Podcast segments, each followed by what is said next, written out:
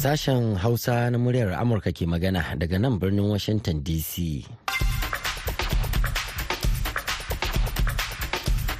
Masu saurare Assalamu alaikum barkanmu da asuba da fatan an waye gari lafiya.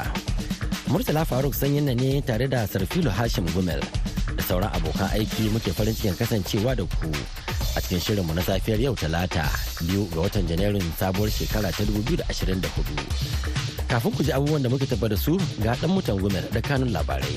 To Murtala an tabbatar da mutuwan mutane huɗu sakamakon girgizar kasa mai ƙarfin gaskiyar ta afku a gabar tekun yammacin ƙasar Japan jiya Litinin. Isra'ila ta bayyana wani sabon mataki na kai har-har a zirin Gaza inda ta sanar da ranar Litinin cewa za ta rage yawan sojojinta a Gaza. Daga nan za a ji cewa ƙasar Habasha da jamhuriyar Somaliland sun rattaba hannu kan wata yarjejeniya ta farko da tarihi wadda za ta ba Habasha damar shiga tekun Bahar Maliya. To bayan labaran duniya za ku ji cewa gwamnan jihar Filato da ke arewacin Najeriya Caleb Muftuwang ya ce abin da ke faruwa a jihar ya wuce zancen rikicin kabilanci ko kuma fada tsakanin manoma da makiyaya. Let us call a spade a spade. This is simple genocide. A jihar Bauchi kuma jami'an tsaro ne suka cafke wani mutum bisa aikin samar da iskar gas ba bisa ka'ida ba ko kuma ba ta hanyar da ta dace ba to sai dai fasahar da ya kirkira ta sami kyakkyawan yabo. irin waɗannan masu wannan talent da kuma initiative kamata ya yi state government ko federal government taimaka musu Shin yaya yanayin demokuraɗiyya yake a ƙasar da shugabanta mai shekaru 91 a duniya wanda ya kwashe tsawon shekaru 42 yana mulki yake? Muhawarar kenan da shirin muna tsaka mai wuya na yau ya kunsa inda Aliyu Mustapha Sokoto ya soma sabuwar shekara daga ƙasar Kamaru. To amma kafin nan sai a gyara zama domin jin labaran duniya tukunna. Jama'a salamu alaikum ga labaran duniya. An tabbatar da mutuwan mutane huɗu sakamakon girgizar kasa mai ƙarfin gaskiyar ta afku a gabar tekun yammacin ƙasar Japan a yammacin jiya Litinin. Hukumar kula da hasashen yanayi ta ƙasar Japan ta bayar da rahoton girgizar kasa fiye da goma a tekun Japan da ke gabar tekun Ishikawa da wasu larduna da ke kusa. Mafi girma cikin girgizar kasa ita ce mai ƙarfin maki 7.6 a ma'aunin girgizar kasa. kuma ta tayar da wato ta ta katse wuta tare da rushe gine-gine a yammacin gabar tekun babban tsibirin japan na honshu. Akalla gidaje shida ne girgizar ƙasar ta lalata inda mutane suka makale a ciki in ji kakakin gwamnatin yoshima hayashi. Gobara ta tashi a birnin wajima da ke lardin ishikawa kuma an samu katsewar wutar lantarki a gidaje fiye da dubu talatin in ji shi. Shugaban amurka joe biden ya ce amurka za ta ba da duk wani taimako da za ta iya. Isra'ila ta bayyana wani sabon mataki na kai har a zirin gaza inda ta sanar ranar litinin cewa za ta rage yawan sojojinta a gaza yayin da take ci gaba da kai har kan hamas a yankin. Sanarwar da rundunar sojin isra'ila ta fita ta ce ana sa ran janye wasu sojojin zai rage raɗin tattalin arziki da kuma baiwa sojojin damar karfa ayyukan da ke tafi a cikin wannan sabuwar shekara da muka shiga saboda yaƙin zai ci gaba kuma har yanzu ana buƙatar ayyukansu. Rear admiral daniel hagari ya ce ana sa ran ci gaba da yaƙin. Makasudin yaƙin yana buƙatar dogon fada in ji shi a ranar lahadi. Isra'ila ta kuma ta kuma janye tankunan yakinta daga wasu yankunan Gaza a cewar mazauna wurin. A ɗaya ɓangaren kuma an rufe hanyar shiga tashar fili wato filin tashi da saukar jiragen sama mai cike da cunkoson jama'a. Ta John F. Kennedy da ke New York yayin da masu zanga-zangar goyon bayan Falasɗini suka hallar a filin jirgin a karo na biyu cikin mako guda. Hoton bidiyo da aka fi a yanar gizo ranar Litinin ya nuna motoci suna tafiya a hankali wasu na daga tutocin falastinawa kuma 'yan sanda sun kafa shingen bincike don karkatar da akalarsu an hana motoci shiga ɓangaren da matafiya suke bi da yammacin jiya litinin sai masu tikitin tafiya ko ma'aikata da masu ɗaukar fasinjoji haka nan an takaita zirga-zirgar jiragen ƙasa da ake kira air train da ke ɗaukar matafiya zuwa wurin jirgi na wani ɗan lokaci ga fasinjoji da ma'aikata masu tikiti. Tunan ba da jimawa ba Sarfilu zai sake shigowa da labaran duniya kashi na biyu. To amma kafin nan, gwamnan jihar Filato da ke arewacin Najeriya Caleb Muftuang ya ce abin da ke faruwa a jihar ya wuce zancen rikicin kabilanci ko kuma fada tsakanin manoma da makiyaya yayin da yake gabatar da jawabin bikin sabuwar shekara ga jama'ar jihar. Gwamnan mutuwan ya ce lokaci ya yi da hukumomin da lamarin ya shafa za su fuskanci lamarin da gaske domin shawo kansa. Wakiliyarmu zainab babaji na ɗauke da karin bayani. Gwamnan jihar Plateau Caleb Mutfang ya ce kashe-kashen da ke aukuwa a jihar Plateau tsantsan ta'addanci ne da wasu ke aikatawa kan jama'ar jihar kuma dole ne a tunkare shi akan ayyukan ta'addanci idan har ana so a yi nasarar dakatar da kisan mutane da barnata dukiyoyi a jihar. A jawabinsa na sabon shekara, gwamnan na jihar Plateau Caleb Mutfang ya ce a tsakanin watan Afrilu da Yuni na shekarar da ta gabata an kashe mutane 400 yayin da 'yan ta'addan suka kashe mutane fiye da 160 a ƙarshen shekarar. It is a misrepresentation of facts to describe these needless and unprovoked attacks on our people as a farmer-herder clash. Let us call a spade a spade. This is simple genocide. Gwamnan na jihar Plateau Caleb Mutfan kenan ke cewa kuskure ne a alakanta harin da aka kai wa mutane a matsayin rikicin manoma da makiyaya. Mu faɗe shi ƙarara kisa ne na ƙare dangi. I wish to declare a week of mourning from January 1st to January 8th, 2024. Gwamna Caleb Mutfan ya ce ya ware mako guda don yin makoki tun daga ranar 1 zuwa ranar 8 ga watan Janairun 2024. Ya kuma buƙaci al'ummar jihar su dukufa da addu'o'in kariya daga masu mugunta da suka tasar wa al'ummar jihar. Gwamnan ya kuma yaba wa hukumar ba da agajin gaggawa ta ƙasa da ta jiha saboda kayan tallafi da suka kai wa waɗanda ke gudun hijira. Sanata mai wakiltar tsakiyar jihar Plateau, Dicket Plan, ya ce babbar matsalar ita ce yadda maharan ke mamaye gidaje da gonakin al'ummomin da suka kora daga ƙauyukansu. wurare mutum kuma masu kwacewa ma ana mining. Wato ana haƙan ma'adinai kenan. Yauwa tumuci da a nema da barbaro a rage irin wannan ayyukan wanda ba tare da permission ba a tare da izini ba. Domin kafin ka imani ka samu anajin lasin a san ko wai kai. Na roka kuma taimaka masu da su kayakin su gyara gidaje su koma gida. Ana cikin wani abubuwan duka me yasa ba taba yin arrest ba? Me yasa ba taba kama wani a arrest ne shi a prosecution ne shi kuma ya faɗa wanda ya ya zo tun da baki ne ba? Shi ne shi senator lalong ya ce shi ma ya kamata mu samu North Central Development Commission. Wato wata hukuma da za ta gina ko kuma inganta jihohin da suke tsakiyar Najeriya.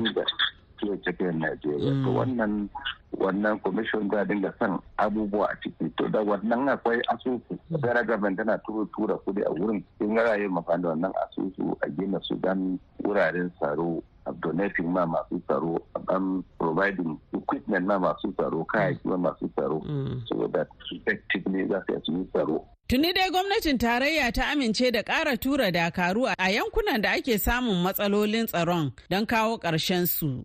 Zainab Babaji, muryar Amurka daga Jos a Najeriya. To a gaida Zainab Babaji, kuna tare ne da sashen Hausa na muryar Amurka a nan Washington DC. Yanzu gasar filo ya dawo da karashin labaran duniya. Jiragen saman Rasha sun kai hari a wata jami'a da wani gidan adana kayan tarihi da ke alaka da wasu fitattun masu rajin kare ƙasar Ukraine a ƙarni na ashirin a ranar Litinin, inda mazauna yankin suka sha alwashin gyara barnar. Farko ya farfasa tagogi da yawancin rufin jami'ar a gagariyan ta ƙasa a wajen yammacin birnin lviv na ukraine inda stephen bandera wani jarumi ga mutanen ukraine amma mugu a cewar ƙasar rasha ko kuma kremlin wanda ya karatu a can.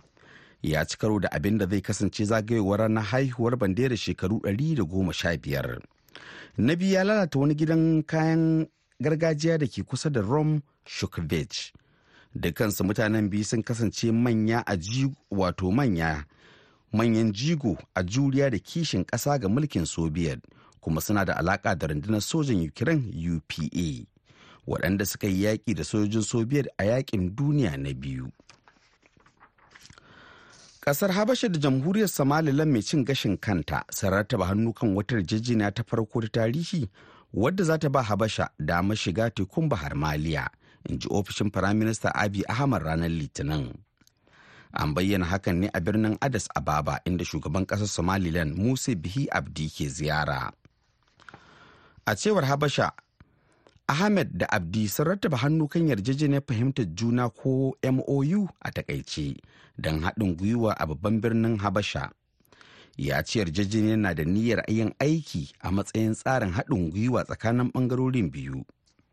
Sanarwar da ofishin ahmed ya fitar ta ce yarjejeniyar fahimtar junan za ta samar da hanyar tabbatar da burin habasha na tabbatar da hanyar shiga teku. Daga ƙarshe jiya litinin hukumomin shari'a a ƙasar tunisia sun ba da umarnin tsare fitaccen ɗan jarida zaid alheni tare da gurfanar da shi a gaban kuliya bisa zargin ɓata suna. Kwanaki bayan ya soki ministan kasuwanci in ji lauyansa alheni zai fara zaman kotu ne a ranar goma ga watan nan na janairu akan zargin ɓata sunan wasu a shafukan sada zumunta. Lauyansa a hayaci hamani ya shaida manema labarai. 'yan sanda sun fara kama shi ne a ranar alhamis bayan ya yi tsokaci game da ministan a gidan rediyon cikin gida a wata hira da aka buga a facebook. In ji kamfanin dillancin labarai na tunisia. Sarfilu hashim gumel kenan aka saurara da labaran duniya daga nan sashen hausa na muryar amurka a washington dc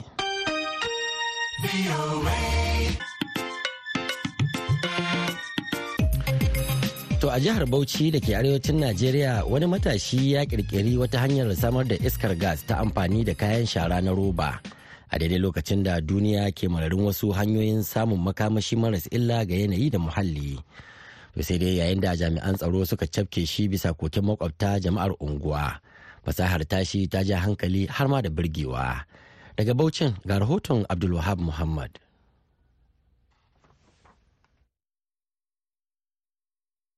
bincike ya nuna cewar wannan fasahar da ake kira pyrolysis hanya ce da ƙasashen duniya ke bi don samar da nau'in makamashi don amfanin gidaje da kuma wasu na'ura halin yanzu wani matashi a jihar gombe allah ya bashi fasahar kirkirar iskar gas din ta yin amfani da robobi da leda da kuma tsohon man mota da ya gama amfani.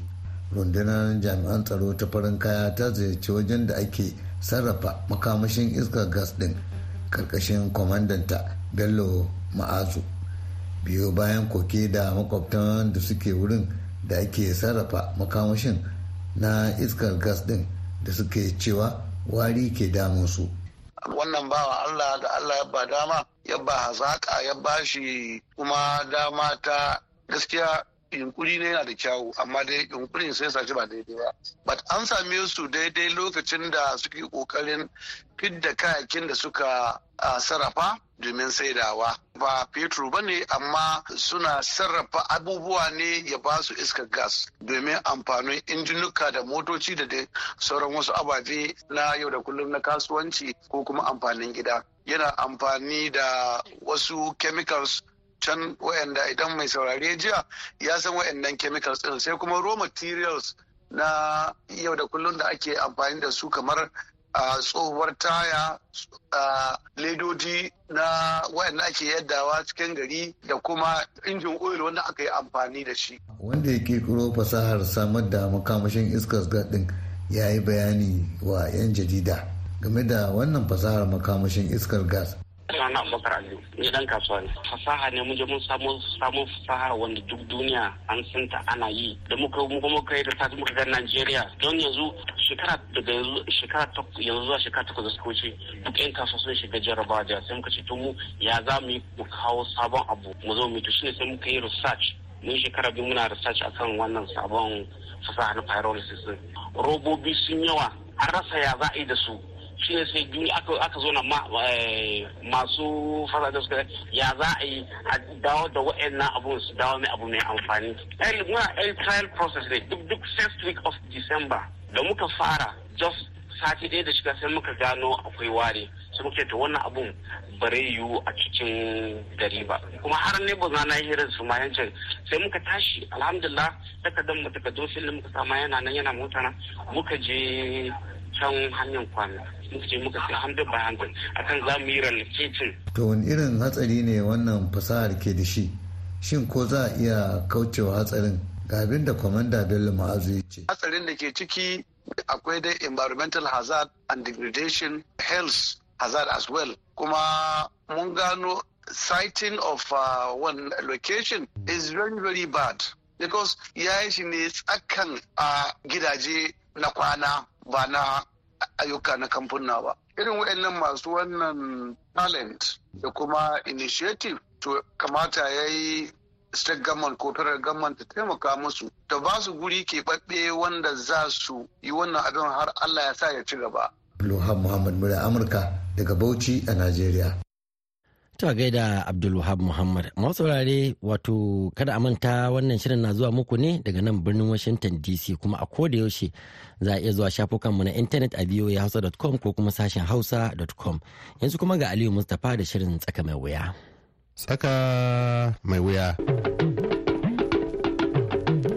A gaskiya babu wani ci gaban da aka yi cikin demokradiyya a ƙasan kamerun in ka duba babu wani ci gaban da aka yi a demokradiyya. Zan iya gaya maka ma mun koma baya ne. Zaka ga akwai 'yan siyasa dewa da suke na fursuna da aka kama su domin dai suna so su fito titi su ba da ra'ayinsu aka kama su. Wannan demokradiyyar tamu ta ƙasar kamaru demokradiyya ce kawai da take da suna. Amma ba wata demokradiyya a ciki. Kowane dan adawa ya za a yi a saye ka a sa ka a ju in ka ki sayuwa kuma a buga ma guduma a kulle ka ko a sa ka hijirar dole kana ji kana gani. Jama'a assalamu alaikum barkamu da wannan lokaci barkamu da saduwa da ku a wannan shiri na farko a cikin wannan shekara sabuwa ta 2024 kuma za mu yaye kallabin wannan shiri na tsaka mawuya a wannan shekara din a ƙasar kamaru. Yadda paul biya shugaban wannan ƙasa ɗan shekaru 91 a duniya ke ci gaba da mulkinta tun lokacin da ya faro shi daga ran 6 ga watan nuwamba shekarar 1982 muna maganar shekaru 42 da suka wuce kenan. Yanzu magana nan da muke da ku paul biya shine shugaban ƙasa mafi daɗewa yana kan karagar mulki a afirka. Shine shugaban kasa a duk duniyar nan wanda ba dan jinin sarauta ba wanda yake mulki ba kakkautawa wato bai tsaya ko ina ba tun lokacin da ya fara har yanzu a faɗin duniyar nan baki ɗaya ba da bayan haka a duk duniyar nan ba za ka samu wani shugaban kasa da ya girmi paul biya ba shine kowa tsufa. To kuma har yanzu da muke magana yana nan kan karaga shi ta mulki.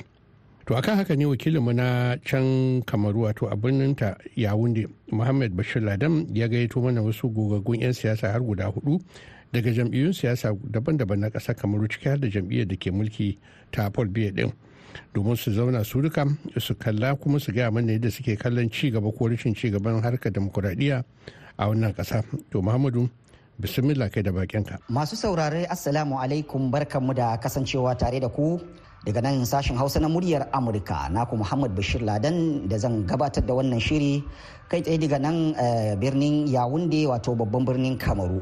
Lallai kuwa maudu'inmu na yau za mu tattauna ne akan ci gaban da aka samu ko kuwa da ba a samu ba a fannin demokaradiyya a ƙasar kamaru. Mun san cewa kamaru tun 1990 kamar shauran ƙasashen nahiyar afirka ta rungumi wato demokradiyya a matsayin yanayi na tsarin mulki na tafiyar da kuma al'amuran ƙasa. To a yau dai muna tambayoyi ne ga manyan baki da muka samu. Daga cikinsu akwai wato malam shehu usman daga yawunde shehu usman assalamu alaikum. Wa alaikum salam wa rahmatullahi wa barakatuhu. To she kuma malam muntari hamisu daga wato baminda babban birnin arewa maso yammacin kamaru a yankin ingilishi a nan ƙasar im. Malamin tare hamisu assalamu alaikum. Assalamu alaikum wa rahmatullah. Muna nan tare da kuma wato alhaji muhammadu jafaru na jam'iyyar rdpc ko kuwa cpdm eh, shi kuma diga can bertuwa kenan babban birnin gabashin ƙasar kamaru. Alhaji muhammadu jafaru assalamu alaikum. Alaikum salam wa rahmatullahi wa barakatu daga ƙarshe kuma ga sise bamanga shi kuma daga birnin duwala kenan shi ma daga wato jam'iyyar yan adawa yake na fsnc sise bamanga assalamu alaikum barkamu da kasancewa tare da kai. Na ga kuma za mu fara maudu'in namu ne da kai wato tambaya da muka taho maka da ita dangane da ci gaba ko rashin ci gaba da aka samu a fannin demokradiyya a ƙasar kamaru tun 1990 da ƙasar ta rungumi wato demokradiyya matsayin yanayin tsarin mulki da gudanar da al'amura. A gaskiya babu wani ci gaban da aka yi wato a cikin demokradiyya a kasashenmu wato na afirka bakake musamman ma a kasan cameroon in ka duba babu wani ci gaban da aka yi a demokradiyya. Zan iya gaya maka ma mun koma baya ne. Don me sa muka koma baya? Don a ɗaya zaka ga akwai 'yan siyasa dewa da suke na fursuna da aka kama su a banza. Menene kama su da aka yi? Wato domin dai suna so su fito titi su ba da ra'ayinsu aka kama su. Musamman ma ina tuna da wato 'yan uwana 'yan siyasa da suke nan a mrc da suke nan a partin din wato shugabar mai tafiyar da siyasa a kawala partinta kuma akwai 'yan farin hula ma da yawa da suke nan a fursuna na ɗaya kenan. Na biyu kuma zaka gani akwai 'yan jarida da yawa da yau a ƙasan cameroon mun san cewa an kama su aka masu duka aka yi masu wato tsananin abubuwan da bara iya ma faɗa ji daɗi hakan nan domin a ji shi ba. Ina tuna da muhammad wazizi da har yanzu ba binne shi ba. Ina tuna da martinez zogo da har yanzu in ka duba mun san yadda ake tafiyar da sha'anin shi. Kaga wadan dukka ai ba ka cewa akwai demokradiyya ba. To a gaskiya a nawar ra'ayin ni wato ni na duba cewa mun koma baya ne sosai. Don yau a kasan cameroon bayan da za ka yi ka fito ka yi magana yan gwamnati ba su takura maka ba ko kuma ba su nemi shigar da kai a waɗansu matsalolin da mu duka muka shina ba. To abin tausayi ne a tafiyan da muke yi. To abin da nake son kawo kenan nawa ra'ayi. Shehu usman wato mai tsokaci kan harkar siyasa a nahiyar afirka. Shehu usmanu a shirinmu na yau a wannan sashen hausa na muryar amurka muhawarar mu ta danganci maganar ci gaban demokuraɗiyya a ƙasar kamaru. To a matsayin ka na mai tsokaci wani duba kake wa ci gaba da aka samu har ila yau?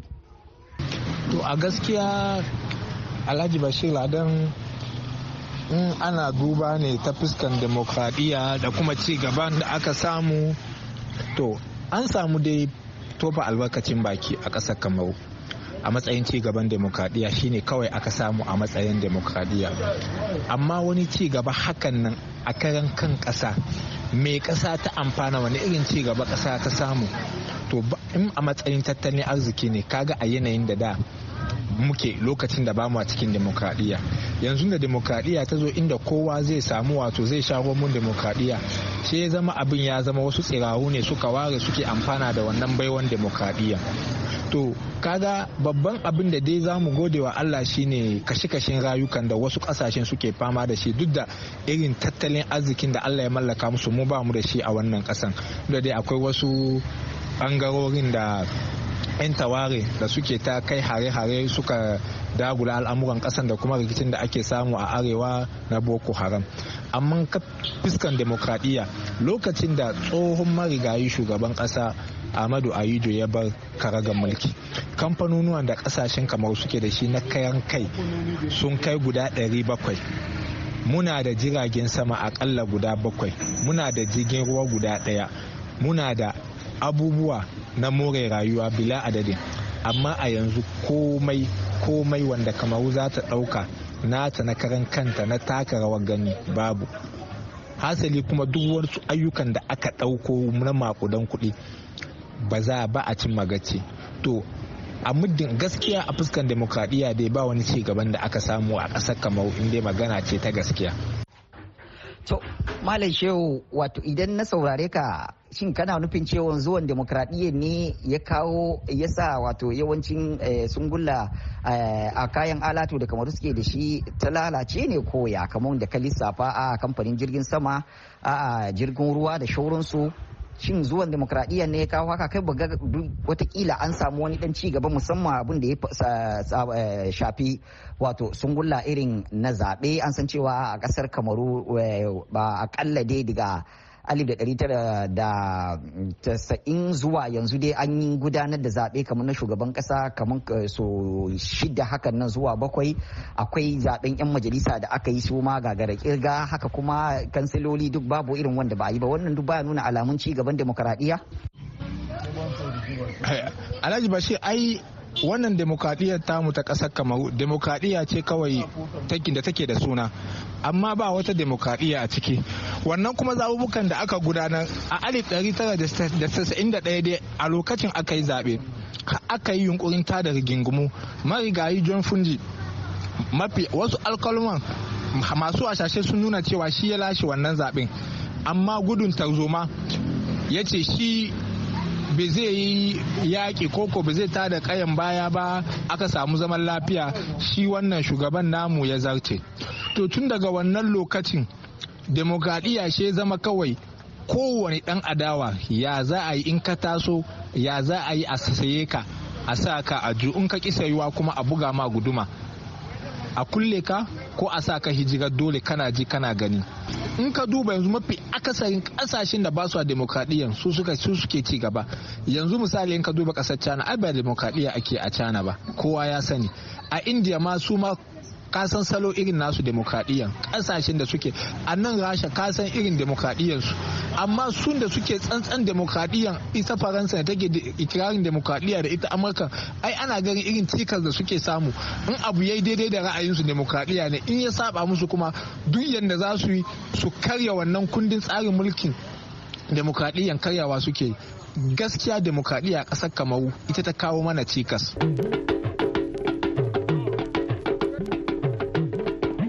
to a gaishe malamai. To wannan shine ƙarshen kashin farko na wannan tattaunawa da muhawara da muka fara dangane da siyasa a ƙasar kamaru. Idan allah kai mu rana wace za mu zo mu ci gaba da duba me yasa kamar yadda aka fara magana ƙasashen da ba sa demokuraɗiyya a duniyar nan sun fi masu demokuraɗiyya samun ci gaba. Kuma shin jam'iyyu ko ƙungiyoyin adawa a can kamaru suna taimakawa wurin dagula harkokin demokuraɗiyyar nan ko kuma dai jam'iyya mai mulki ce kawai take yin wannan? Muna godiya ga shi wakilin namu na can birnin yawunde muhammad bashir ladan da kuma bakinsa da suka hada da shehu usman da dr muntari hamisu da muhammadu jafaru da kuma sise bamanga. A madadin su duka ne ne ali mustapha sakwata a nan washington dc muke kare muku kyakkyawar fata a cikin wannan sabon shekarar da aka shiga. Allah ba mu dukkan alherin da ke cikinta. Ku huta lafiya. To madalla da wannan kuma muka zo ga shirinmu na ƙarshe wato labarai a taƙaice. To a taƙaice an tabbatar da mutuwar mutane huɗu sakamakon girgizar kasa mafi ƙarfin gaske da ta afku a gabar tekun yammacin ƙasar Japan a jiya Litinin. Hukumar kula da hasashen yanayi ta ƙasar Japan ta bayar da rahoton girgizar kasa fiye da goma a tekun Japan da ke gabar tekun Ishikawa da wasu larduna da ke kusa. Mafi girma cikin girgizar kasa ita ce mai ƙarfin maki 7.6 a ma'aunin girgizar kasa.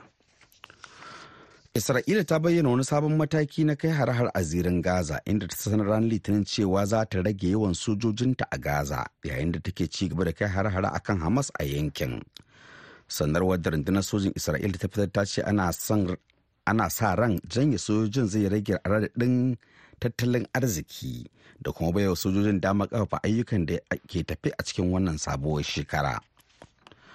A ɗaya ɓangaren kuma an rufe hanyar shiga tashar tashi da sauka jiragen sama mai cike da cunkoson jama'a ta john f. Kennedy da ke birnin new york yayin da masu zanga-zanga goyon bayan falastina suka hallara a filin jirgin a karo na biyu cikin mako guda. Hotunan bidiyo da aka kafe a yanar gizo ranar litinin sun nuna motoci suna tafiya a hankali wasu na daga tutocin falastinawa kuma 'yan sanda sun kafa shingen bincike don karkatar da akalarsu. To masu saurare a nan muka kawo ƙarshen shirin namu na yanzu sai kuma can an jima da ƙarfe 8 na safe agogon Najeriya za mu sake dawowa da wasu sababbin shirye-shirye. Yanzu a madadin Sarfilo Hashim Gumel da ya taya ni gabatar da shirin sai kuma Dadi Balawe da ya tsara shirin ya ba da umarni da ma injiniyan mu na yau Mr. Kevin. Murtala Faruk Sanyin na ke muku fatan alkhairi ma'assalam.